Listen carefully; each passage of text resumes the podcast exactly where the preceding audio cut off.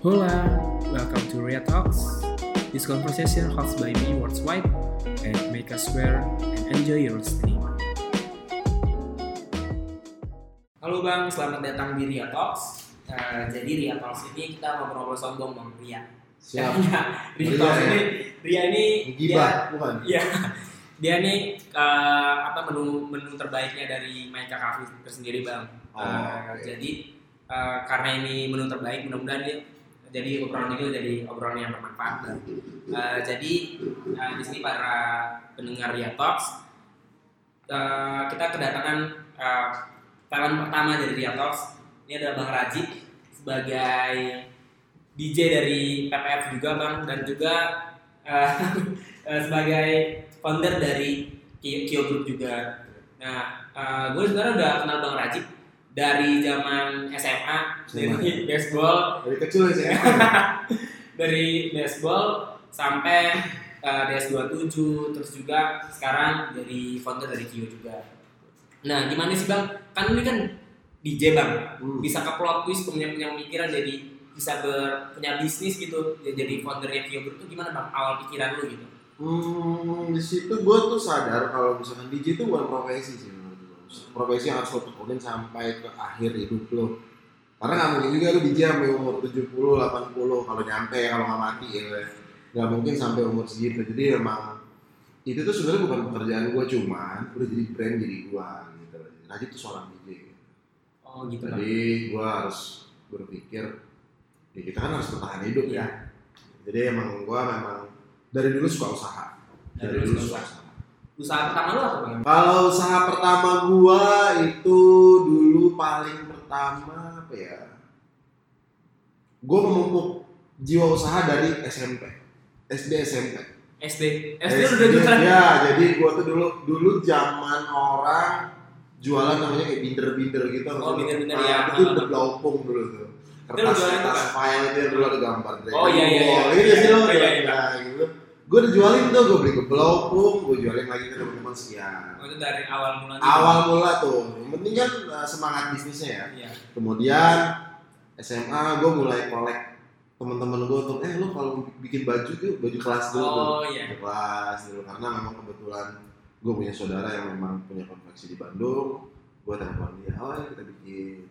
Tuh Eh, kemudian jadi dari SMP lu jual buku-buku apa namanya kertas-kertas itu SD SD, SD, iya, SD, iya. kertas file kayak gitu Iya. terus lu beranjak eh, belajar lagi jadi ngejual apa eh, lu usaha di bidang konveksi Iya, SMP, SMA gue masih di situ sampai ke kuliah juga gue sih masih di situ, tapi udah masuk ke skalanya agak-agak besar karena dulu masih zaman legislatif, kemudian banyak pemilu, pilkada dan lain-lain. Gue coba masuk ke situ. Oh sempat megang juga bang Sempat, konveksi sempat di bidang uh, perkampanyan ya. Iya, perkampanye.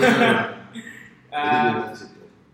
nah, gue nih eh, karena lu bang ya, lu tuh dulu tuh di DS27 kan eh, eh, bergabung di, di tim itu yang bikin event-event gitu itu Iya. itu gimana sih bang lu bisa bikin event-event kayak sore culture, terus juga diskoran, terus juga elektronik itu gimana sih bang?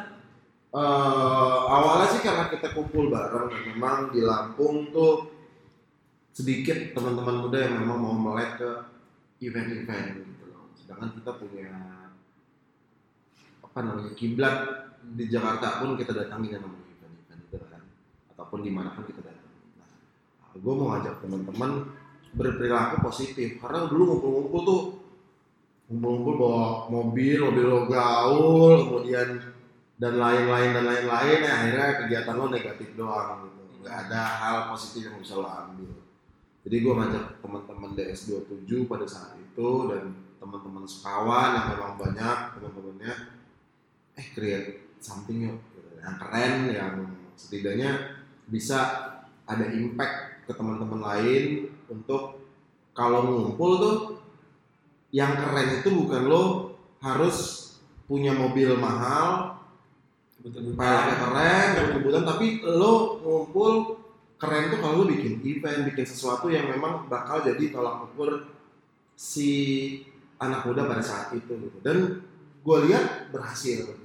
Dulu dari 27, sekawan dan teman-teman yang lain tuh kayak jadi patokan lo kalau keren sama anak-anak itu tuh gitu. Oh, iya. bener gak sih Benar. lo dapatin impact itu dan gue lihat banyak banget komunitas setelah itu muncul Iya. banyak banget mereka menyebut nama mereka sendiri gitu akhirnya kan. dan itu eh, kita bukan bukan berhenti ya tapi semakin menjamur kok malah nggak jalan lagi. Juga gua. Gitu. Nah, eh, jadi kan gue masih inget bang. Jadi eh, kenapa bisa kita kita, kita bikin dari Discordan itu kan? Awalnya kan kita nih datang di acara eh, suatu provider yang ngadain parah Nah dari situ kita kita eh, ekspektasi kita waktu itu wah coloran nih keren Iya. kali gua betul pas ke sana zong banget kan. nah, Nah referensi lo bang. Uh eh, ini kan gue nih kan sosok seorang bang Rajik itu bagi gue orang yang punya keresahan lebih dijadiin event dulu tuh gitu bang. Hmm. Jadi eh, eh, dari keresahan lo jadi muncul event-event bagus. Referensi lo dari mana bang? Enggak, sebenarnya kalau referensi semua tuh banyak ya dan dan gua rasa dunia ini gak ada yang original bro. Jadi kalau lo bilang tuh eh kaloran tuh sebenarnya idenya gua loh, nggak ada ide yang original tuh gak akan ada dari zaman kapan pun gak akan ada. Tapi yang do yang lo lakukan itu milik mutlak punya lo. Gitu loh. Handphone punya banyak merek A B C D E sama-sama handphone, mobil punya merek sama-sama mobil mereka nggak jiplak, mereka do something gitu, mereka melakukan, jadi punya brandnya masing-masing. Dan dan lo melakukan hal itu totalitas ya harus. Jadi pada saat itu memang ada ke ke apa namanya kekecewaan teman-teman yang memang belum pernah datang kaloran, begitu ada kaloran kok begini gitu. Dan gue twist itu jadi yang memang gila ini yang kaloran beneran gitu loh. Nah intinya sih gue waktu itu mau create yang memang bikin Lampungnya itu keren gitu jadi memang pembiayaannya lumayan gitu tapi tapi ya bang ya? ya responnya tapi bagus kok Responnya bagus banget sih waktu itu. Belum ada, jadi eh, jadi di ke mana? Uh, kalian pertama kali ya di Skoran. Skoran Karena di Skoran benar. tadi yang pecah. ya betul Padahal ya bukan kita yang pertama. Bukan, bukan yang kita yang pertama. pertama. Ada yang lain yang cuman kebetulan nggak sekeren kita. ya gitu. Nah, jangan sebut merek lah iya. IM3 dulu Iya. itu dia eh, pernah ngadain cuman ya fail sih bisa dibilang fail. Fail. Nah baru ketika di Skoran terus mulai tuh bang memang kebiasaan. Kalau menurut gue sih eh, orang Lam- eh, orang daerah kita nih orang Lampung, nih, maksudnya biasanya gitu gak apa ya, gak kurang bisa dia ada yang ada kayak contohnya kayak contohnya kafe shop aja deh bang ya ya kafe shop kalau menurut gue pertama kali lagi-lagi lu lagi bang eh, kafe nih Iya. kalau pertama kali yang. Pernah gue minum dan Hmm. itu terkenal dan itu booming dan akhirnya ditiru nih. Sa- contohnya ya di Maika ini sendiri Hmm. Ya, kan hmm. berawal dari dia kan dari oh ngeliat uh, uh, kafe Kio terus lihat eh, tunggu yang lain yang lain yang lain yang lain. Kebiasaan orang Lampung nggak bisa nge-twist itu bang. Hmm. itu uh, gimana sih bang? Lu bisa punya pikiran yang twist gitu tuh lo karena lo tuh sering ngobrol atau lo sering baca buku atau gimana dari Instagram atau apa gitu bang? Kalau dilihat ya dari misalkan kayak kaloran itu kan bukan original ada yang pertama begitu juga dengan coffee shop ada yang pertama Hmm. lagi sebelum gua. Eh, sebenarnya esensi dari dari gua itu mau eh, apa namanya eh, nge-create something itu lebih ke ayo kita bawa perkembangan Lampung ini jadi lebih baik gitu loh. Eh, gua di sini bukan nih kalau secara bisnis orang pasti berpikir eh bikin coffee shop. Ada coffee shop coffee shop coffee shop lain itu kan saingan. Dan gua nggak berpikir ke situ setidaknya lo semua pertama nggak kepikiran untuk narkoba. Iya. Bener dong. Benar bang. Kedua yang lo pikirin itu uang uang atau create something. Berarti positif dong Iya. untuk kehidupan kita semua. Dan menurut gue itu semua secara batinnya gue gue berhasil. Walaupun gue bikin satu hal yang kecil. Memang mungkin ya yang yang melek sama urusan berbisnis sedikit gitu mungkin kalangan kalangan tapi seenggaknya circle kita tuh aman jauh dari itu semua gitu loh. Eh, ya itulah. Kalau misalkan buah pikirnya itu lebih ke tekanan. Karena pressure tadi pressure. Pressure itu lebih ke gini. Hidup tuh mudah menurut gua. Kenapa mudah? Ya kalau cuma lu hidup doang sih gampang. Iya. Babi di hutan hidup. Ya kan? Monyet di hutan makan. Kata Buya Hamka tuh. Jadi tinggal lo mau warnain hidup lo tuh gimana nah di balik mau warnain hidup lo tuh gimana itu ada isi namanya eh, halangan. Modal pemikiran laku nggak ya bisa nggak ya. Dan satu kesenangan gue tuh ialah melawan kehabisaan dulu mungkin bikin IO oh, susah banget butuh modal dan lain-lain. Eh tapi jalan kok gitu. Bahkan nggak nggak bahkan surplus surplusnya baik gitu loh. Begitu juga dengan eh, si kedai kopi ini gitu. Kita manfaatkan kita tuh emang harus jeli gitu ngelihat pasar tuh maunya apa seperti apa ya kita nggak bisa tutup mata soal itu gitu. harus lebih gitu jadi harus tetap brainstorm terus. Terus, terus. Lu nggak boleh- terus. Iya lo nggak boleh berhenti. Jadi kalau lo merasa cukup di situ lanjut. Di situ lanjut. Se- eh, setiap orang kan pasti pernah gagal lah bang Nah, betul. Setiap orang pernah gagal tuh. Yang jadi titik balik lo gitu ya untuk orang-orang yang eh, misalnya lagi pengen lagi gagal nih dia, dia nggak dengerin titik balik dari lo tuh gimana sih bang? Lo eh, lo bangkit gitu dari kegagalan lo. Gue pernah sehancur itu. Jadi sebelum industri yang gue masukin sekarang nih F&B ya food and beverage gue ada eh, namanya usaha ya orang-orang daerah Lampung tahu lah ya, ibaratnya yang kayak proyek per proyek proyek ya yang dibilangnya harus A B C dan perlu modal sekian banyak gitu. dan ternyata gue hancur dengan itu. Benar-benar hancur. Bagus Dan- dan gue berada di titik nol nol sama sekali minus bisa gue bilang. Nah di situ lu lu temuin di dalam hati lu bakal gini oke gue emang udah kayak mayat hidup nih gue harus apa nggak bisa apa nah lu harus deketin bukan deketin ya lu harus berada di circle yang benar. Circle yang benar tuh pada saat itu lu harus ketemu partner yang memang bisa bikin lo untuk bangkit. Gitu. makanya lo punya, perlu teman-teman positif bukan negatif aja gitu. Nah di situ lo bangkit nggak ada yang bisa nolong lo kalau nggak diri lo sendiri. Itu yang bikin gua harus bangkit. Tuh. Jadi ya perlu teman sharing sebenarnya bang ya. Perlu perlu. Waktu ketika lagi down ya. Kan biar kalau orang ini kalau biasanya manusia bang ya. Manusia lah. Manusia itu pengennya didengar sebenarnya. Benar. Jadi ketika kita hancur tuh kalau saran dari lu ya lu cerita dan kita harus benar-benar butuh kuping. Sebelum kita menerima masukan ya kita harus didengarin dulu. Benar. jadi manusia kan butuh didengar gitu. Benar nah eh, langsung nih bang. Ini kan di share di instastory Hmm. ada pertanyaan-pertanyaan dari netizen nih bang. Ya. Eh, ini yang pertama bang. Hmm. apa sih motivasi eh, abang motivasi dari abang untuk pengusaha-pengusaha yang baru mulai gitu. Kayak ya contohnya dari Maika ini sendiri lah mungkin ya. Masukan dari lu lah. Hmm, kalau masukan sih ya banyak lah kalau secara teknis ya. Pasti kan nggak mungkin gue jabarin di sini. Tapi lu emang nggak boleh nyerah sih.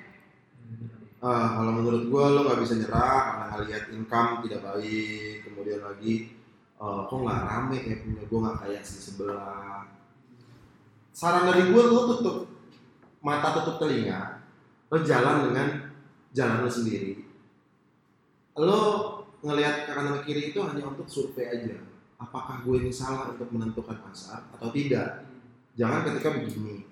Nah, misalkan lo bikin produk A ketika lo bikin produk A sebenarnya itu harganya itu untuk target yang B nggak sedangkan targetnya B ini nggak sanggup untuk bayar A itu gitu loh. Jadi jangan sampai salah. Jangan sampai salah pasar. Jangan sampai salah jangan sampai salah uh, target lo harus kenalin pasar lo gitu. Jadi tepat sasaran semua gitu loh. Misalkan eh ya bukan berarti si anak-anak SMA tidak mampu beli produk yang minuman yang harganya 58 ribu mampu kok gitu. cuman itu bukan jadi hal yang prioritas buat mereka apa sih yang bisa bikin mereka itu stay di tempat kita kemudian lagi mereka itu bukan pasar satu hari satu kali beli dan pergi gitu nggak? Jadi untuk eh, untuk terus continue ya kita juga harus sesuaikan dengan kantong mereka gitu.